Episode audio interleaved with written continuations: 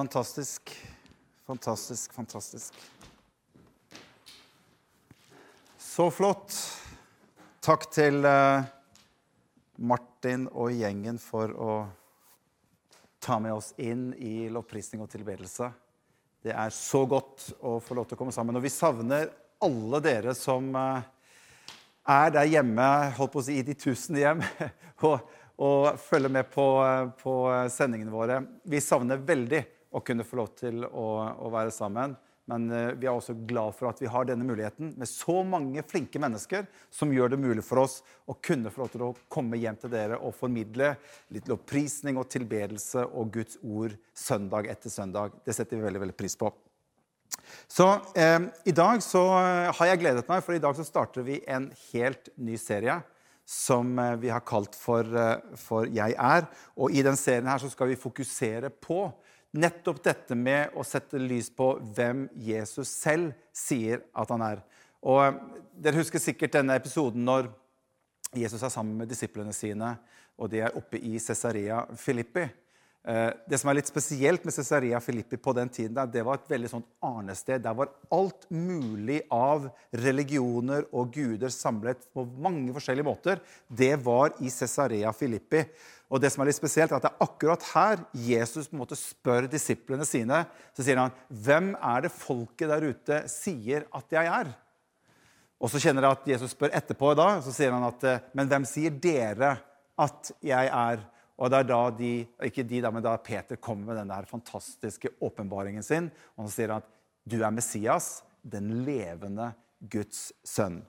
Så det er på en måte, eh, hva skal si, det er liksom det som har med at andre på en måte forteller Jesus hvem han er. Og Det er jo sånn litt av deg og meg også, at andre mennesker kan si noe om deg og meg, holdt på å si både på godt og ondt og rett og galt. Men det er litt annerledes når jeg begynner å si noe om meg selv. Da er det lettere for andre å på en måte kunne måle det opp imot ja, men det sa jo du faktisk om deg selv. Og Det er det egentlig Jesus gjør. og Det er det jeg synes er litt spennende med Jesus. For etter hvert som han gikk her nede, så begynte Jesus å si ting om seg selv som var så utrolige og så var så hva skal si, eksploderende at enten så var han gal, eller så var han faktisk den han påsto seg å være. For det var veldig lett å kunne måle han på de tingene han sa. Når du faktisk går så langt og du sier at du, jeg skal faktisk dø, men etter tre dager så skal jeg faktisk stå opp igjen. Da er det lett å måle det i etterkant, om det faktisk holder mål. Og Det er det som er litt spennende, fordi at disiplene etter Jesus' oppstandelse så er de veldig sånn at han som dere korsfestet, han vi var sammen med, han døde på et kors, ble lagt i en grav, men han har stått opp igjen. Og vi, sier disiplene, vi er vitne til det, og vi har sett det ved våre egne øyne. Så han faktisk sa det i forkant, gikk bort og gjorde det, og så står han jammen sant meg opp igjen på den tredje dag. Og det er det som er så utrolig med Jesus. Han gikk faktisk bort og gjorde det han sa at han skulle gjøre. Og det syns jeg er veldig, veldig spennende. Så i denne serien her så skal vi gå inn og så skal vi se ikke hva andre mennesker mener om hvem Jesus er, men vi skal faktisk gå til Jesus selv, og så skal vi se hvem sier Jesus selv at han er. Og jeg tenker, Når jeg, når jeg sittet med dette, så tenker jeg vi kommer ikke nærmere dette, hvem Jesus er, enn det som han sier selv om seg selv. Det er det nærmeste vi kommer. Og Disse tingene står på, egentlig på en veldig spesiell måte i Johannesevangeliet. Og det er bare her i Johannesevangeliet vi kan lese på denne måten disse åtte 'jeg er'-utsagnene til Jesus. Det finner vi ikke i noen av de andre evangeliene. De står kun her. Og Derfor så er Johannes litt annerledes på en måte i struktur og måte å bli bygget opp på. For du kommer, du kommer, litt nærmere Jesus på en litt annen måte enn det du gjør i de andre evangeliene. Og Det er det vi skal fokusere på her. Og jeg har en bønn, og vi har en bønn med denne serien at vi alle sammen etter denne serien her skal få lov til å se Jesus enda klarere hvem han er, og at det kan få lov til å gjøre noe med oss i livene våre opp imot vi som har tatt imot Jesus og kjenner ham fra før.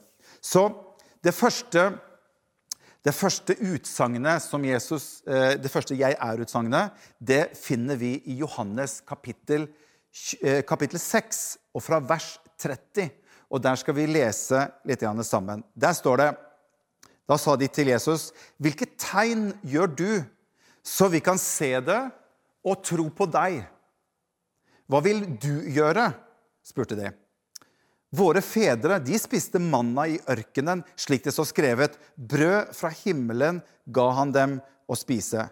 Så det som vi ser her, det er en samtale som pågår mellom en del mennesker som har kommet over til Kapernaum. De var og lette etter Jesus et annet sted, fant han ikke der. Og så fant de noen båter i denne Tiberiasjøen, satte seg i båtene, kjørte over til, si, rodde over til Kapernaum. Og så leita de opp Jesus, der fant de han sammen med disiplene. Og så begynner de å komme i prat. Og Jesus er litt sånn inni den situasjonen her at han begynner å, å si, snakke om en del ting som gjør at han drar dem inn i det temaet som han ønsker å få dem inn på. Og Da begynner de å snakke om brød, han snakker om dere leter etter brød. og Han begynner å snakke om tegn. Og så begynner hva skal vi si, folket å stille spørsmålstegn med Jesus. Så sier de at ja, men hvordan skal vi tro på at du er noe mer enn bare et menneske? Hva, hva, hva, hva kan vi ha som tegn på at du er guddommelig?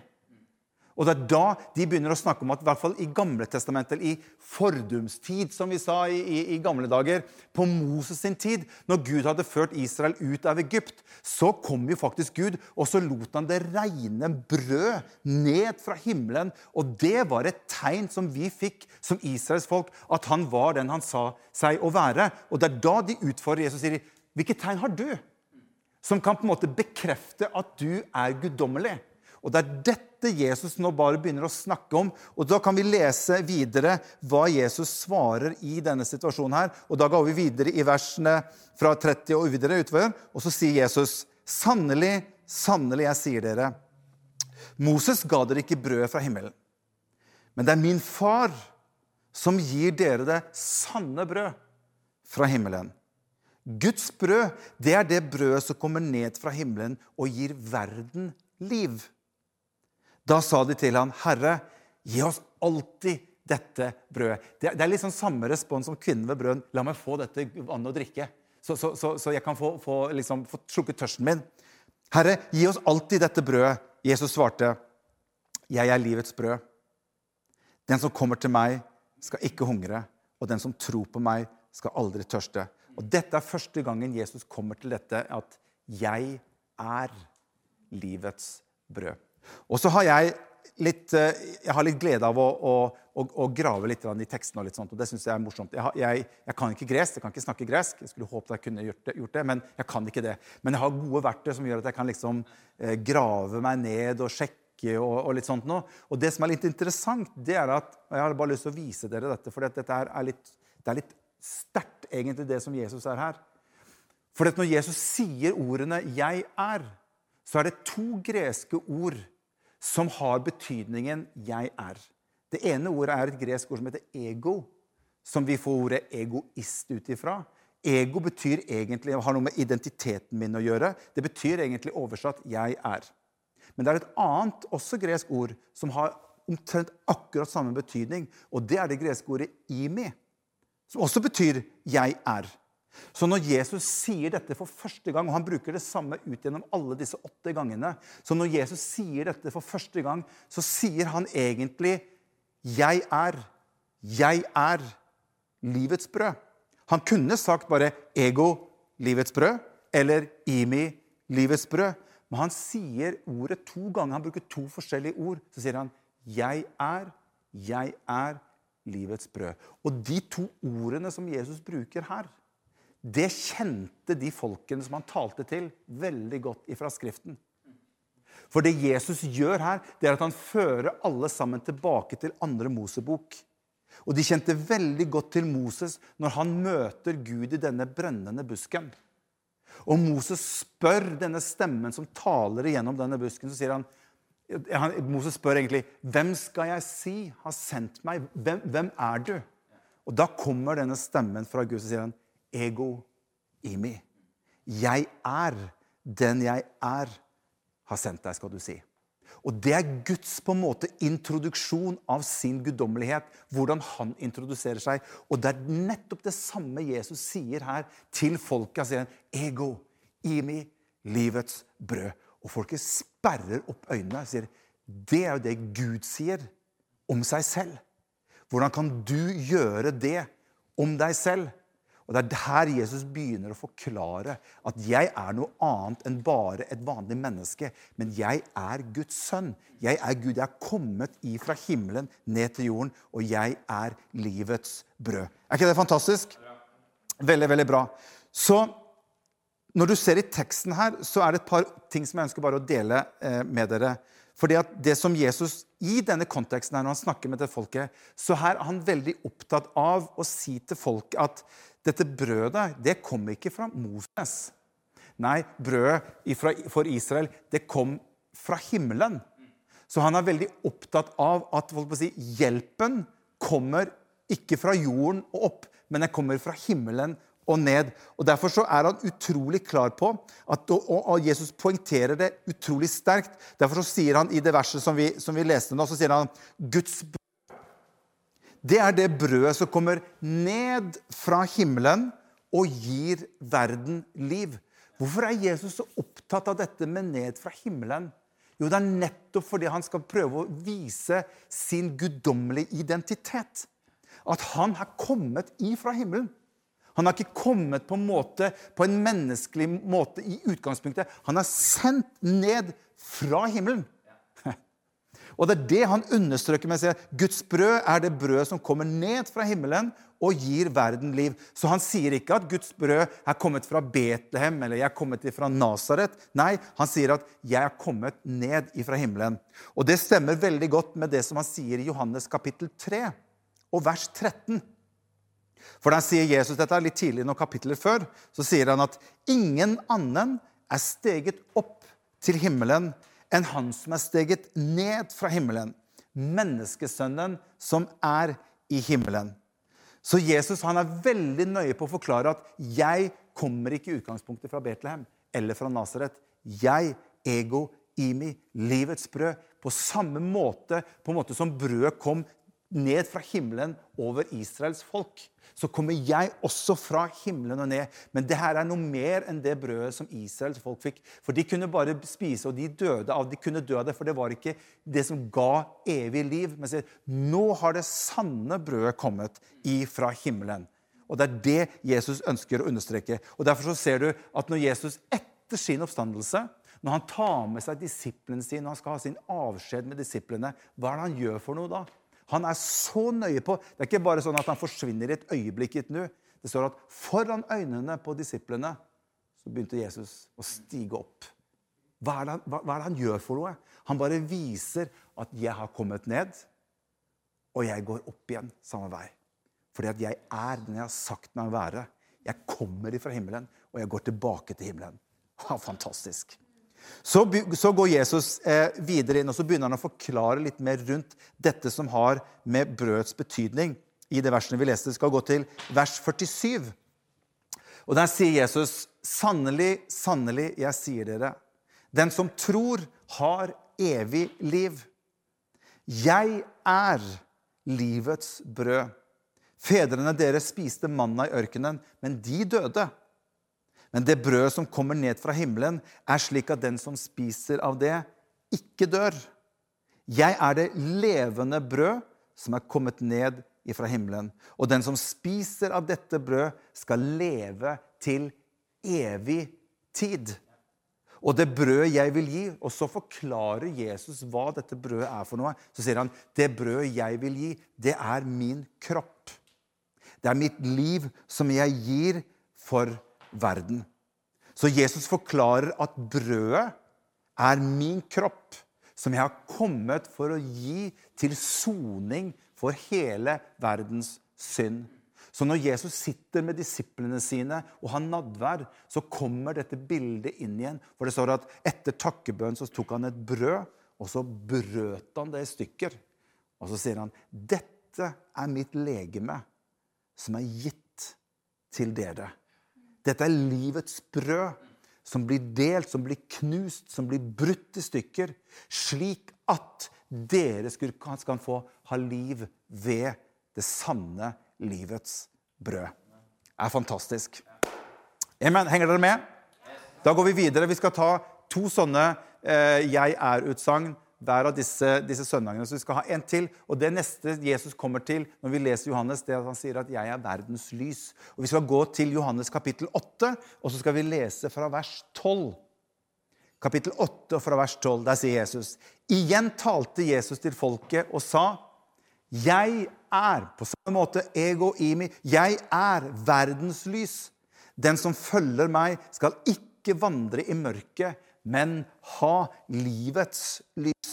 Og jeg syns det er så utrolig bra hvordan denne, dette utsagnet av Jesus kant av denne episoden med kvinnen som ble grepet i hor. Ekteskapsbrudd.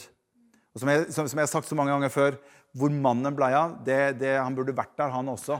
Han er like skyldig han som, som, si, som alle andre. Men han har, han har, rømt ut bakveien eller vinduet eller opp et, et, eller annet. Men de tok denne kvinnen til Jesus, og vi kjenner til hele denne historien. Og i, i noen bibeloversettelser så står det egentlig eh, som overskrift at eh, ekteskapsbrudd som møter livets lys står noen ganger hvis du leser i, i, noen bibeloversettelser. Men etter denne konteksten, når Jesus står der foran denne kvinnen, fantastiske historien, og Jesus sier, 'Er det ingen som har fordømt deg?' Og så sier han, 'Heller ikke jeg fordømmer deg.' Så sier han, 'Gå bort og synd ikke mer'. Og I den situasjonen så står det igjen så, Det virker som han, Jesus bare, at det kanskje har begynt å samle seg en del folk der. Og så snur han seg til folket og så sier han, 'Jeg er verdens lys'. Vi trenger ikke å leve lenger i mørket. Denne kvinnen på en måte som har blitt tatt ut av mørket og ut i lyset, ble bare et bilde på at her finnes det en løsning. Og jeg er dette verdens lys som har kommet for at dere skulle kunne få lov til å ha liv med meg. Og det som har med lys å gjøre, er jo veldig mye brukt. Johannes bruker det veldig veldig mange ganger i Johannes evangeliet, Og det brukes egentlig veldig mye i hele Skriften, hele Gamle testamentet og Nytestamentet. Denne kontrasten på en måte mellom lys og mørke. Og, og, og Hvis du sjekker litt rundt det som har med, med, med mørke å gjøre, så vil, du, så vil, du, finne ut at når, når, når, man skal definere vitenskapelig hva mørke er, så er mørke alltid en konsekvens i fravær av lys. Og det var som en som sa at Hvis du går gjennom mørket, så er det fordi at lyset ikke er sterkt nok til stede. Og Derfor er jeg så glad for at Jesus sa at jeg er verdens lys.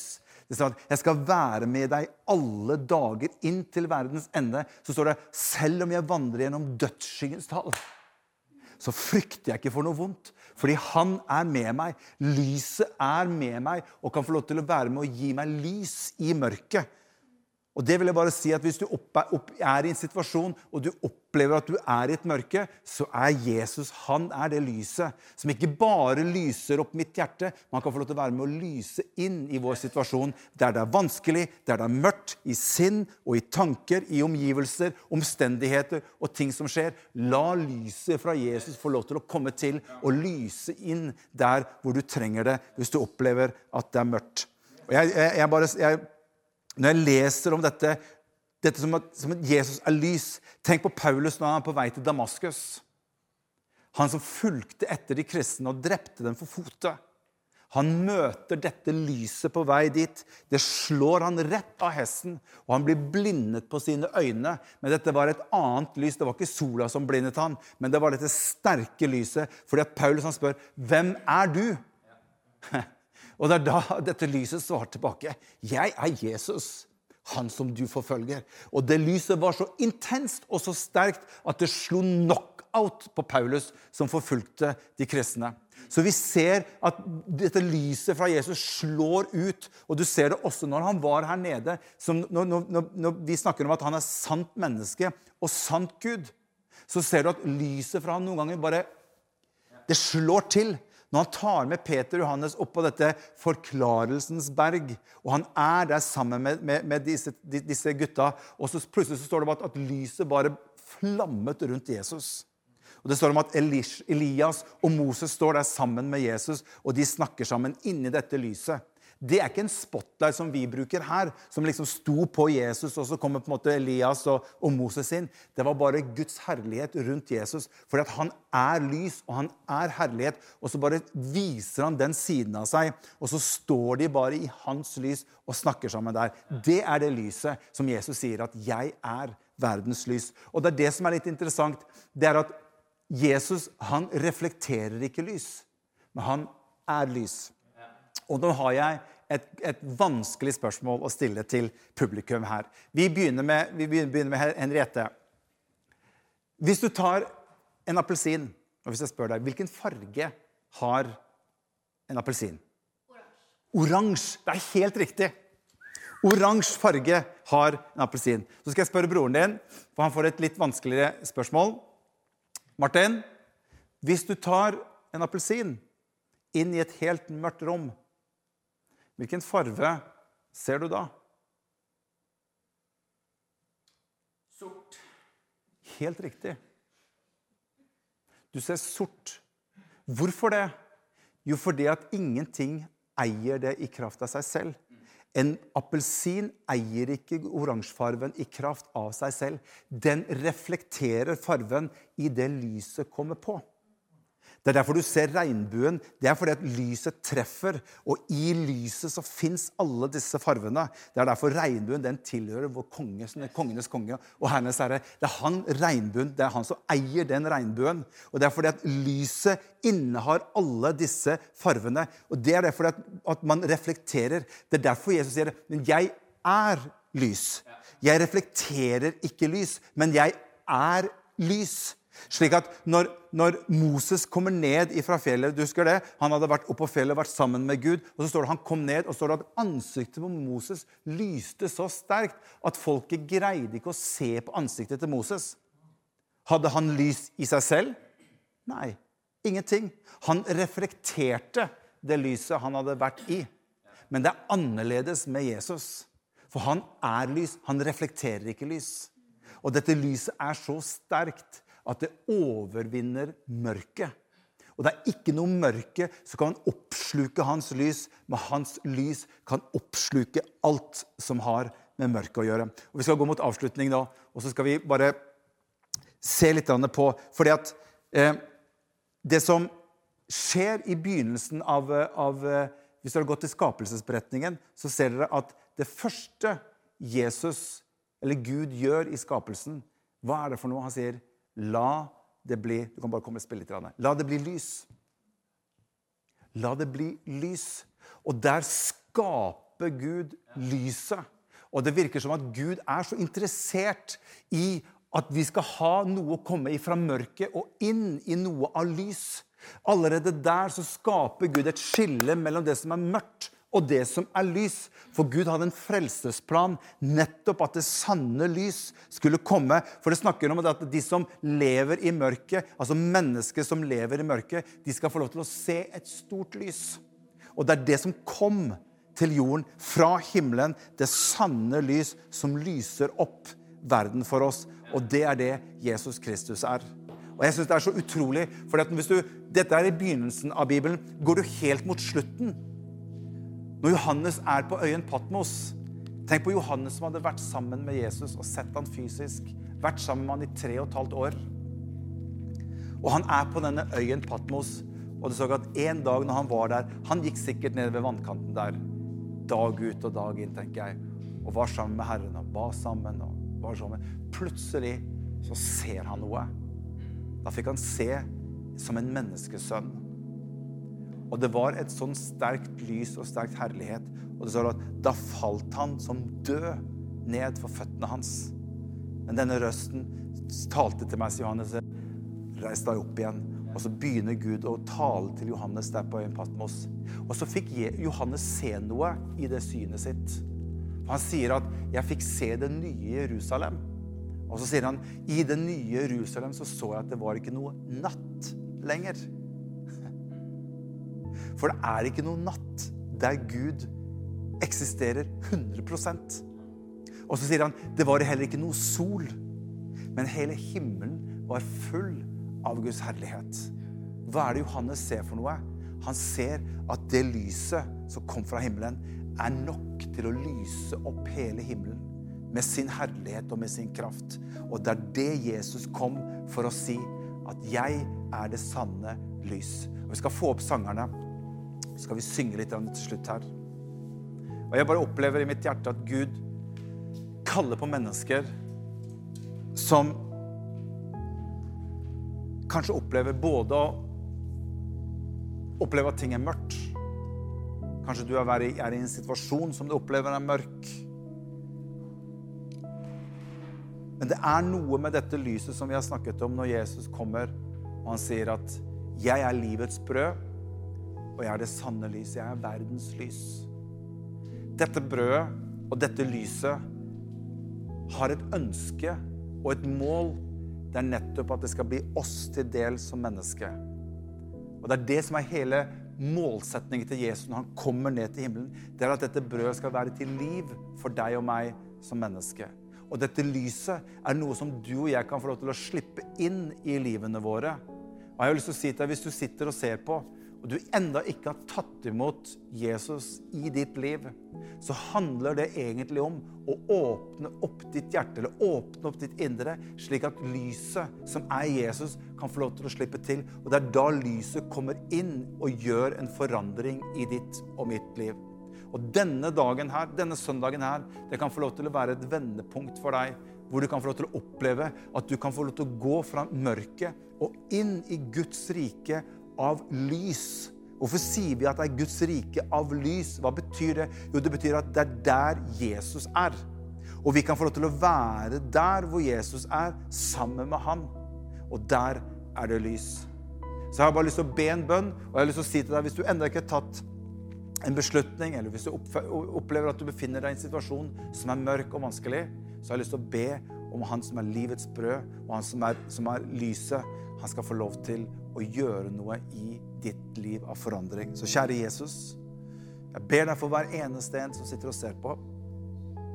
Takk for at du er uten tid, og du er uten sted og uten rom. Takk for at du kan bevege deg fritt akkurat der hvor du ønsker, Herre. Jeg bare ber deg om at du skal være til stede hos mennesker nå som opplever at kanskje ting er vanskelig og utfordrende og mørkt. Kanskje mørkt i sinn, mørkt i tanker. Kanskje det er mennesker som ennå ikke har åpnet opp sitt hjerte og invitert deg inn i livet. Jeg bare ber deg, Jesus, om at du skal få lov til å komme til med ditt lys. At ditt lys skal få lov til å trenge gjennom mørket og drive mørket vekk. Både fra sinn, fra tanker, og at hjertet kan få lov til å bli opplyst av ditt lys. Jeg ber deg om det, Jesus. Jeg ber deg om det i ditt navn, i Jesu navn. Og jeg takker deg for at vi har de ting som vi har bedt deg om. I Jesu navn. Amen. Gud velsigne dere alle sammen. Vi synger litt mer her.